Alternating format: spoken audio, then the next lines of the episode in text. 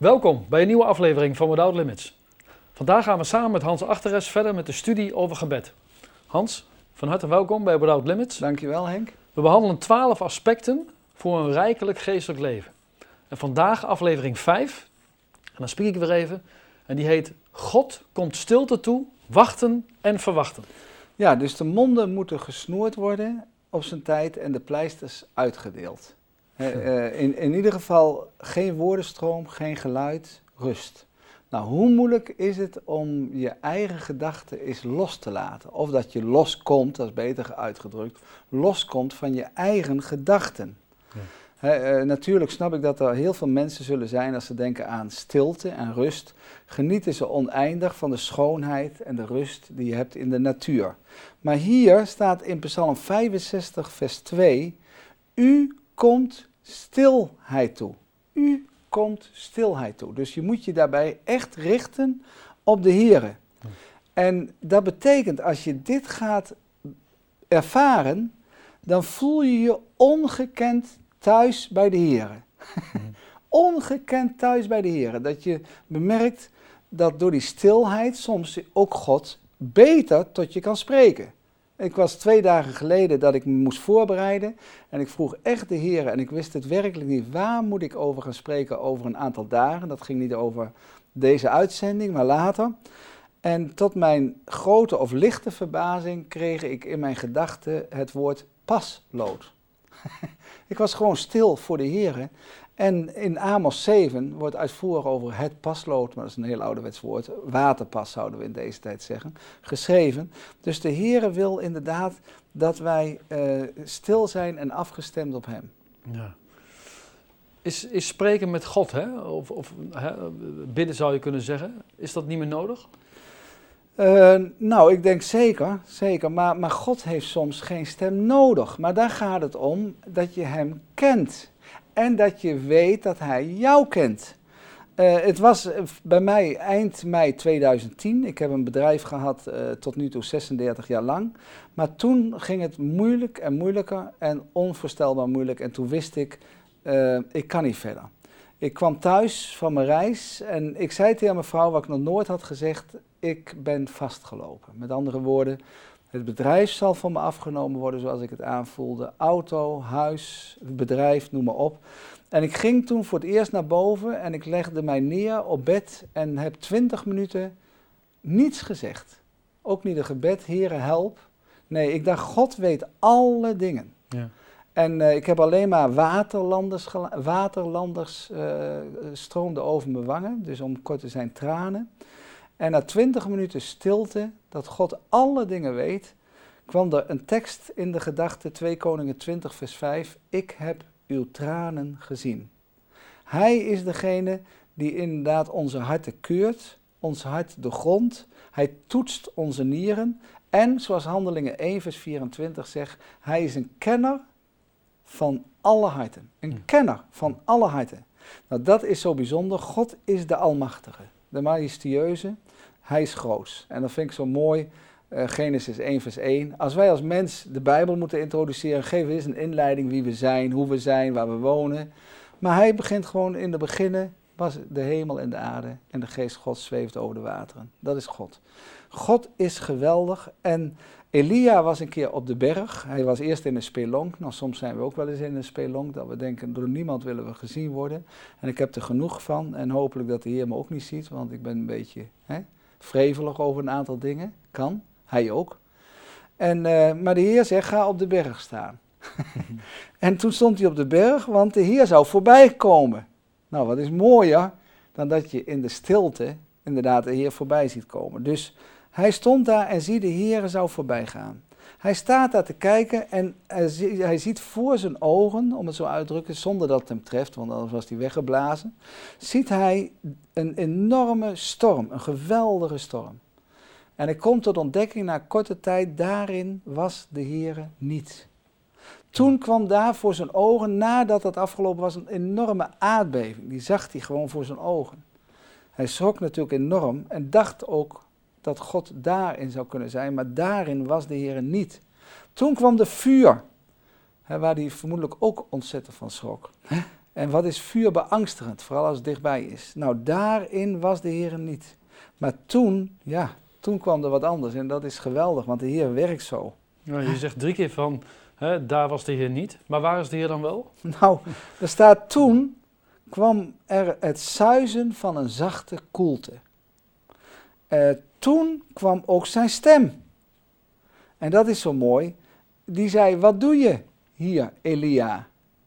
want hij kreeg opnieuw een opdracht. En hij was vrevelig omdat hij zei, ja, ik ben ijverig en ik ben overijverig. Maar moet je kijken, ik ben de enige dienstknecht die er nog is, bij wijze van spreken.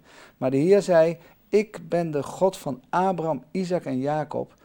Ehm, hij is een entiteit, hij is een zelfstandigheid, hij is een wezen die tot ons spreekt en wij tot hem naderen en hij nadert tot ons. God dienen en Jezus Christus volgen is geen bomengeloof. Zo'n bomen, dat mensen heel vaak dan zeggen, ja, hij zit er overal in en hij is in de natuur, et cetera. Nee, inderdaad, God spreekt, uh, maar dan inderdaad vaak door de stilte heen. Er staat ergens, goed is het in stilte te wachten op het heil van de Heer. Nou moet je je voorstellen Henk, goed is het in stilte te wachten op het heil van de Heer. Staat zelfs in klaagliederen. nou, dat is geloof. Want de Heer doorgrondt mij en jou en de kijker op grond van wat gaat er in zijn hart om. En als hij God kent en God kent hem, dan gaat hij bemerken als hij stil is in oprechte afhankelijkheid, gaat God bijzondere dingen doen, geven, schenken. En hij ervaart al meer Gods tegenwoordigheid. Psalm 62 zegt, waarlijk, mijn ziel, alles wat in je zit, keert zich stil tot God, van hem is mijn heil. Hm. Nou, dat betekent uh, een hartsrelatie. En dan word je ingeschakeld door hem, net zoals Elia. Want Elia, die kwam uit die spolonk op de berg en in, in, het, in die koelte, in dat zachte zuizen was de Heere. En de Heere gaf hem opdracht en die zei, zalf die en die koning. En er staat ergens in Psalm 37, wees stil voor de Heer, en nou een hele ouderwets woord, en verbijt hem. nou, dat betekent wacht en verwacht hem. Dat is oneindig genieten, geen spierballen geloof. Ja, dat is, je moet voorstellen, stil voor de Heer. Gewoon echt uh, beseffen dat, je, dat de Heer op dat moment, bij wijze van spreken, een gedachte gaat zegenen in je. Een gedachte. Gewoon een vredige, geestelijke, goddelijke gedachte. Maar is het niet zo dat, dat bij heel veel mensen, als die denken aan bidden, dat ze het idee hebben van, nou ja, dan, dan, dan praat ik met God en dan vraag ik aan God. Want het is vaak vragen aan God. Heer, wilt u dit? Heer, wilt u dat? Heer, ik heb dit probleem. Wilt u dit oplossen? Wilt u me zegenen? Hè? Maar jij zegt nu iets heel anders. Je zegt stil zijn. Ja, word je dood, dood op van. En je wordt er doodziek van volgens mij. En, en er is allemaal herhaling en routine en noem maar op. De Heer zegt, ik ben de man van de glazen zee. Een roerige zee in de Bijbel ook is altijd, heeft altijd met de volkeren te maken. En alles wat zich in de wereld afspeelt.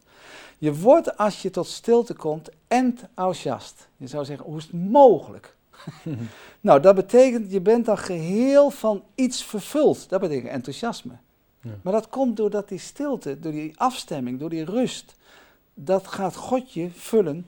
Nou ja, dat is natuurlijk prachtig als je gevuld wordt. Nou, dat is absoluut uh, ja, zien en genieten. maar toch wil ik er nog even terugkomen, want uh, ik kan me voorstellen dat mensen bijvoorbeeld, hè, dat heb ik zelf ook wel, een gebedslijst, hè, waarin je zeker dagelijks voor bepaalde dingen wil bidden. Maar uh, raad je dat dan af of zeg je van, ja. je moet het in combinatie nou, doen? ik zou gewoon zeggen, uh, ga eens een keer vier weken vasten in dat opzicht. Ja. Dus hou ermee op. Want, want, want de Heer weet het. De Heer weet het en er gaat veel meer geloof van uit dat je ermee ophoudt. Maar daar praat ik nog een keer een onderwerp over, over een aantal uh, afleveringen. Ja. Dan dat je er geregeld voor bidt uit traditie, gewoonte. En omdat je dan denkt, nou dan is het weer genoemd. Nee, de Heer zegt inderdaad, wij, we mogen uh, mogen wie u lief hebben, rust genieten. En het is een levend geloof. we moeten inderdaad niet te veel vastzitten aan dingen waarvan we denken van zo, zo moet het. Nee, het was bij mij 21 jaar geleden um, dat ik zelf ouderling was. Ik deed heel veel. Dus uh, eerst soms 500, 600 mensen om de zoveel tijd de hand schudden. Vergaderen totdat het bloed stolt in de aderen. Uh, dan uh, had je dus heel veel dingen die je deed en die van je gevraagd werden, maar ook soms zelf. Maar op een gegeven moment maakte de Heer mij duidelijk dat, ehm, ja, er was iets wonderlijk, kwam ik in een vertwijfeling. En ik zei, Heer, wilt u uw wil aan mij bekendmaken? Als de Heer had gezegd dat ik als razende roeltje in goede zin nog door moest gaan, deed ik het. We moeten altijd luisteren naar God. Maar de Heer maakte mij duidelijk van, zoek mijn aangezicht, hè, eh, inderdaad, in de stilte, de rust, in de afstemming. En toen ik in de vertwijfeling kwam, dat was natuurlijk van God, want God bedoelde daarmee, ik ga een verandering in je leven aanbrengen. Toen heb ik drie weken daarna intensief vanuit mijn hart God gezocht. En elke dag was er een spanning op mijn leven.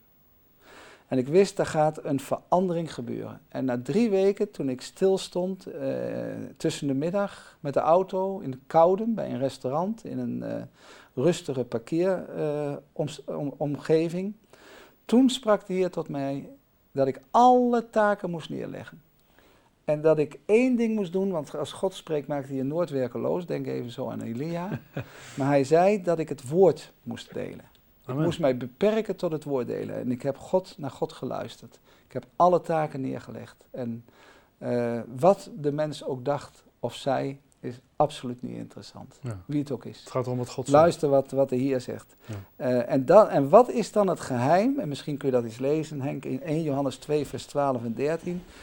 Het is een geheim om uh, te gaan bemerken dat God gaat werken gaat spreken, je gaat vullen, maar niet eerder dan doorgroei. Het zal absoluut niet zomaar gebeuren.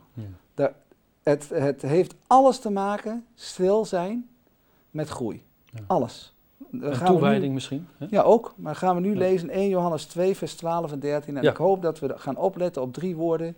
Jongelingen, kinderkens, vaders of moeders. Maakt niet uit. Daar staat, ik schrijf u kinderkens want de zonden zijn u vergeven om zijns naams wil. Ik schrijf u vaders, want gij kent hem die van den beginnen is. Ik schrijf u jongelingen, want gij hebt de boze overwonnen. Ik heb u geschreven kinderen, want gij kent de Vader. Ja, dus gij kent de Vader.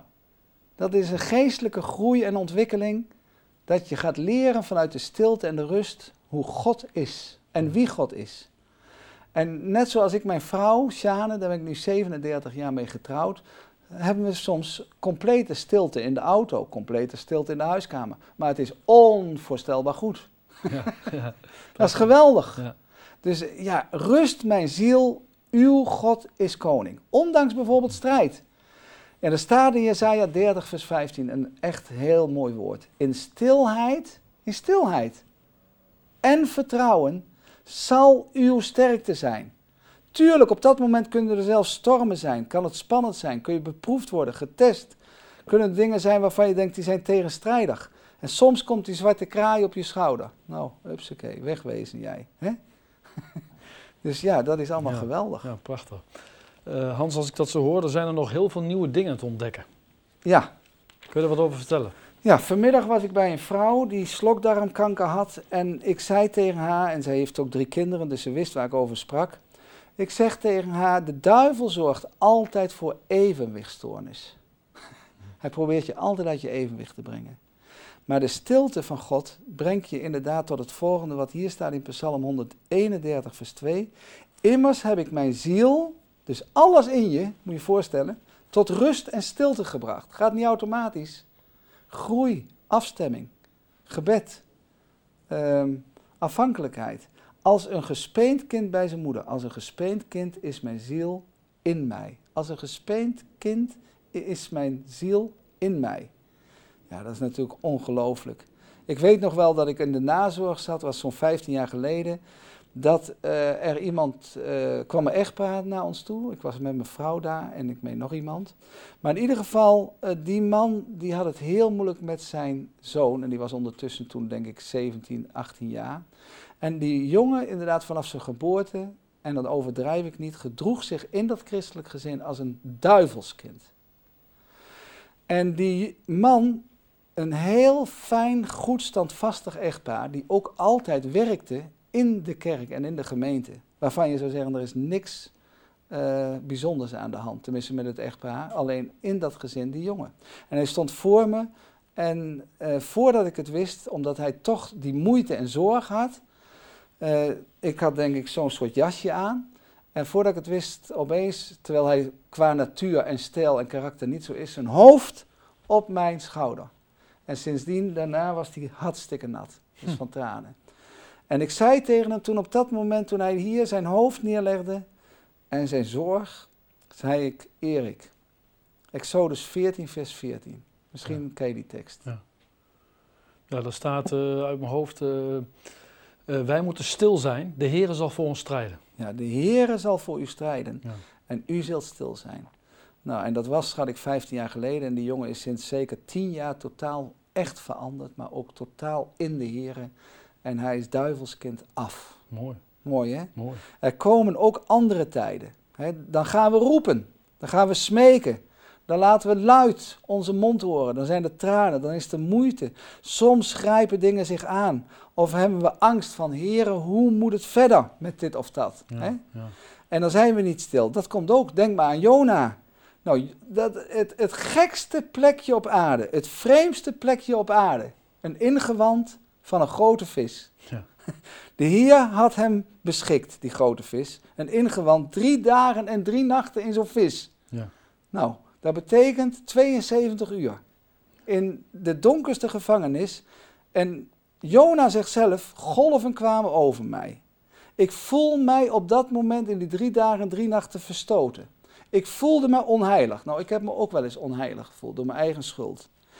Bedreigingen waren er. Hij zei, ik stik, want zeewier, met zeewier ben ik ontvangen. En hij zat in een diepe put. Maar bij sommige mensen, zelfs ongelovigen die misschien hier naar luisteren of kijken, die totaal niet geloven, als je in een hele diepe put zit, dan komt er soms een nieuwe geboorte. En wat bedoel ik daarmee? Ja. Bidden, gebed. Ja, omdat je dan ook totaal afhankelijk bent. Ja, je weet het inderdaad. Je zegt, Heere, help. Of uh, ja. God, ik weet niet als u bestaat, maar help. En juist dan hoort de Heere in de diepte. De hoge, met hoofdletters, hoort wanneer je in de diepste diepte zit. De ster in de nacht. Jona zegt, hij trok mij omhoog. En dan staat er, ah, dat vind ik mooi. Kijk, ik heb net gehad over de stilte. De Heer spreekt tot mij. Hij zei, pas lood. Ja. Nou, en zo kan ik nog wel een tijdje doorgaan, wat de Heer allemaal doorgebed heeft gezegd.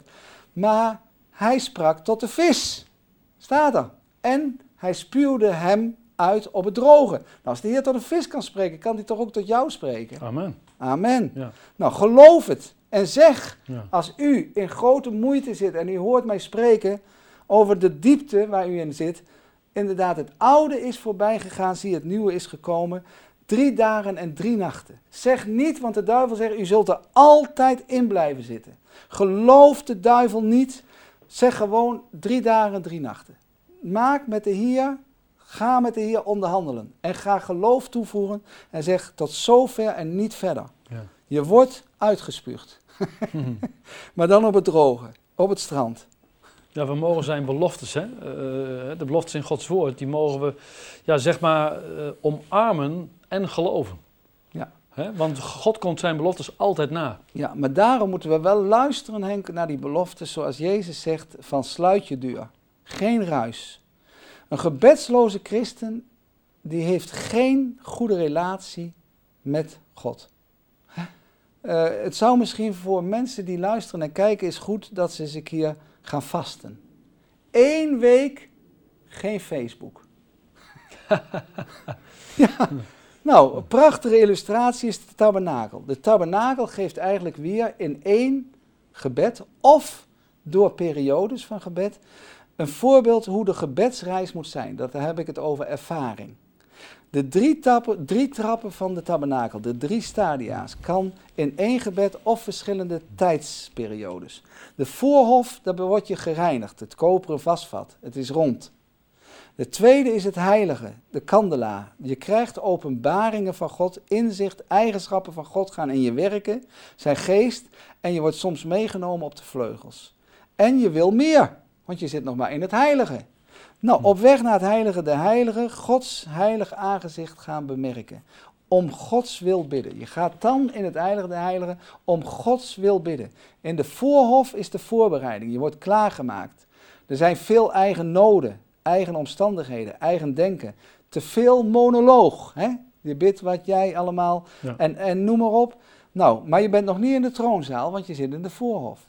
Het heilige, dat is de tweede eh, fase van de tabernakel. Alleen komen met reine handen. Dan kom je alleen met reine handen. Je bent gereinigd. Je komt met reine ogen. Christus in ons, want je wordt verlicht door de kamp- kandelaar. Dat mensen zijn tot ontdekken gekomen als God meer in hun leven wordt. Meer, ze waren bij wijze van spreken gewoon kerkmens of eh, kerkbankvuller. Dat Christus in hun gaat werken. Ze worden vernieuwd. En dan inderdaad laat je los de routine en de herhaling en de gewoontepatronen en de lijstjes. Weg ermee. Sorry, maar ik eh, meen het ook soms. De emotie komt vrij. In het heilige komt de emotie vrij. En je ontvangt dorst naar nog meer. Nou, dit vraagt tijd, dat snap je wel. Ja. Ja, de, de, de weg, hè? de weg naar het heilige, de heilige, dat zijn positieve ontwikkelingen. Maar eh, God zegt ook, wees heilig, want ik ben heilig. En de mensen vragen wel eens van, ja, maar we kunnen toch niet heilig zijn? Hè? Wat, wat- wat is dat dan? Maar ik heb geleerd, heilig zijn is niets anders dan doen wat God ook zou doen. Ja. En dan de keuzes maken die God ook zou maken. En als we dat doen met ons hart, dan wandelen we heilig. Ja, en de Heer kijkt altijd naar onze oprechtheid. En Ja. hij gaat met ons verder. Dat we gaan bemerken van we worden gereinigd, we worden geheiligd en we worden gezalfd. Die drie G's, gereinigd, geheiligd en gezalfd. Ja. En we gaan samensmelten met de geest. Onze geest met Gods geest. De voorhof is eh, nog het daglicht. Misschien heb je er nooit zo bij stilgestaan. Maar er is nog daglicht en het gekakel van mensen. Maar in het heilige wordt het schemer of er zit een kleed. Want dat, die kandelaar die verlicht ons alleen maar. Die kandelaar. Ja. En er is meer op God gerichtheid. Ja. En het heilige de heilige, nou daar is heilige stilte. En helemaal donker. Ja, dan verwachten we het van God. Ja, dat al met al is dat gewoon rijk. Amen. Is gewoon rijk. Amen. En, eh, en dat kan ook in iemand teweeg brengen dat hij zegt, laat ik meer met God bezig zijn. Laat ik meer God zoeken. Want waar ik nu over spreek, ontvang je echt niet in 1, 2, 3 minuten. Gisteren was ik ook bij gewone christenen, kerkmensen. Niets direct verkeerd mee, maar je, hebt toch, je hoopt toch echt, als ze een psalm lezen waarvan je denkt, nou daar kun je wel echt een tijd over praten of tien dingen uithalen. Nou, dan lezen ze zo'n psalm en dan, eh, nou we hebben gelezen jongens. dat Hè? is het. Dat is het. Ja.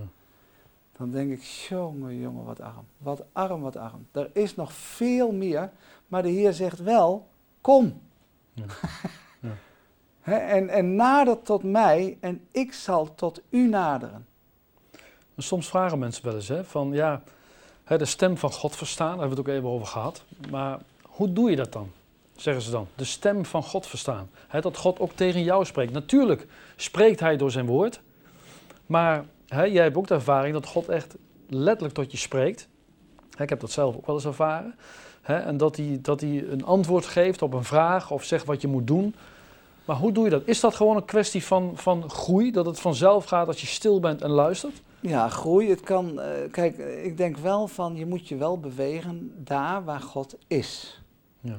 Dus inderdaad, eh, heb je God van harte lief? Ben je ook op de plaats waar de Heer is? Heb je zijn woord lief? Leef je erin? Ja, dat is het beste. Leef je erin? Ja. Ik was, eh, ik schat een maand geleden was ik in Leiderdorp. En ze vroegen daar om te spreken, 10 juni, dat is nog een, nou ja, een, een tijdje verder, te spreken bij een club Fris en Groen. Maar dat zijn allemaal 55-plussers. Hm. Maar ze zijn allemaal hopelijk fris en groen. nou, maar om kort te zijn, ik ging s'nachts om 12 uur naar bed, was in eh, Den Haag. Maar de Heer gaf me gewoon de gedachten en woorden voor de datum die Ja. pas twee maanden later lag. En ik kijk Ja. er absoluut niet meer naar, alleen een paar dagen daarvoor. Ja. Want de Heer geeft het. En dat is doordat je je beweegt, bent daar waar Hij is.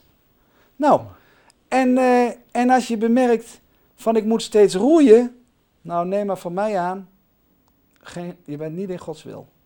Je bent maar aan het roeien en je wordt doodop en je wordt misschien ook nog boos op jezelf en boos op anderen en boos op de omstandigheden en boos op God. De Heer zegt, Op mijn rivier zal geen roeiboot varen en geen sierlijk jacht doorklieven. Dus geen hoogmoed, geen eigenwaan, geen vermoeidheid, vermoeidheidsverschijnselen. Maar gondelen. Prachtig. Hè? ja, gondelen. Ja. Tuurlijk moet je even een keer zo doen en een keer zo. Hè? Of weet ik hoe gondelen gaat, maar het gaat Ja. makkelijker dan roeien. Ja. Hans, de Bijbel, hè, we hebben nog een paar minuten, spreekt ook, je had het al even over vasten. Hè, de Bijbel gebruikt ook de combinatie bidden en vasten. Ja. Hè, eh, toch is dat iets wat, wat toch niet bij heel veel mensen bekend is en wat, waar ook veel mensen van denken dat dat niet meer nodig is. Nou, ik denk het heeft alles te maken met concentratie. Dat je zegt, ik, ik onthoud mij, ik neem geen snoepje. Dat snoepje lokt op die dag. Als je zegt, ik vast, ik, ik ga niet snoepen, ik ga niet eten. Maar drinken zou ik wel adviseren, gewoon drinken. Melk Ja. of frisdrank, maakt niet uit. Maar dat is mijn advies. Ja. Maar neem dan bewust even geen snoepje, terwijl je er wel zin in hebt. Neem dan, dan niet dat gehaktballetje wat je daar ziet liggen in de pan. En inderdaad, dan, eh, je doet het dan natuurlijk om des heren wil. Ja. En dat is vasten. Ja. Terwijl je soms even zin hebt, denk je nee. En dan denk je, laat ik nou, en dat is niet makkelijk wat ik zeg, maar laat ik even echt aan de heren denken. Ja. dat ik het om de heren doe. Nou, moet je opletten, de heren doorgrond, toetst, kent, hebben we het net over gehad, het hart. Hij gaat belonen. Hij gaat absoluut belonen.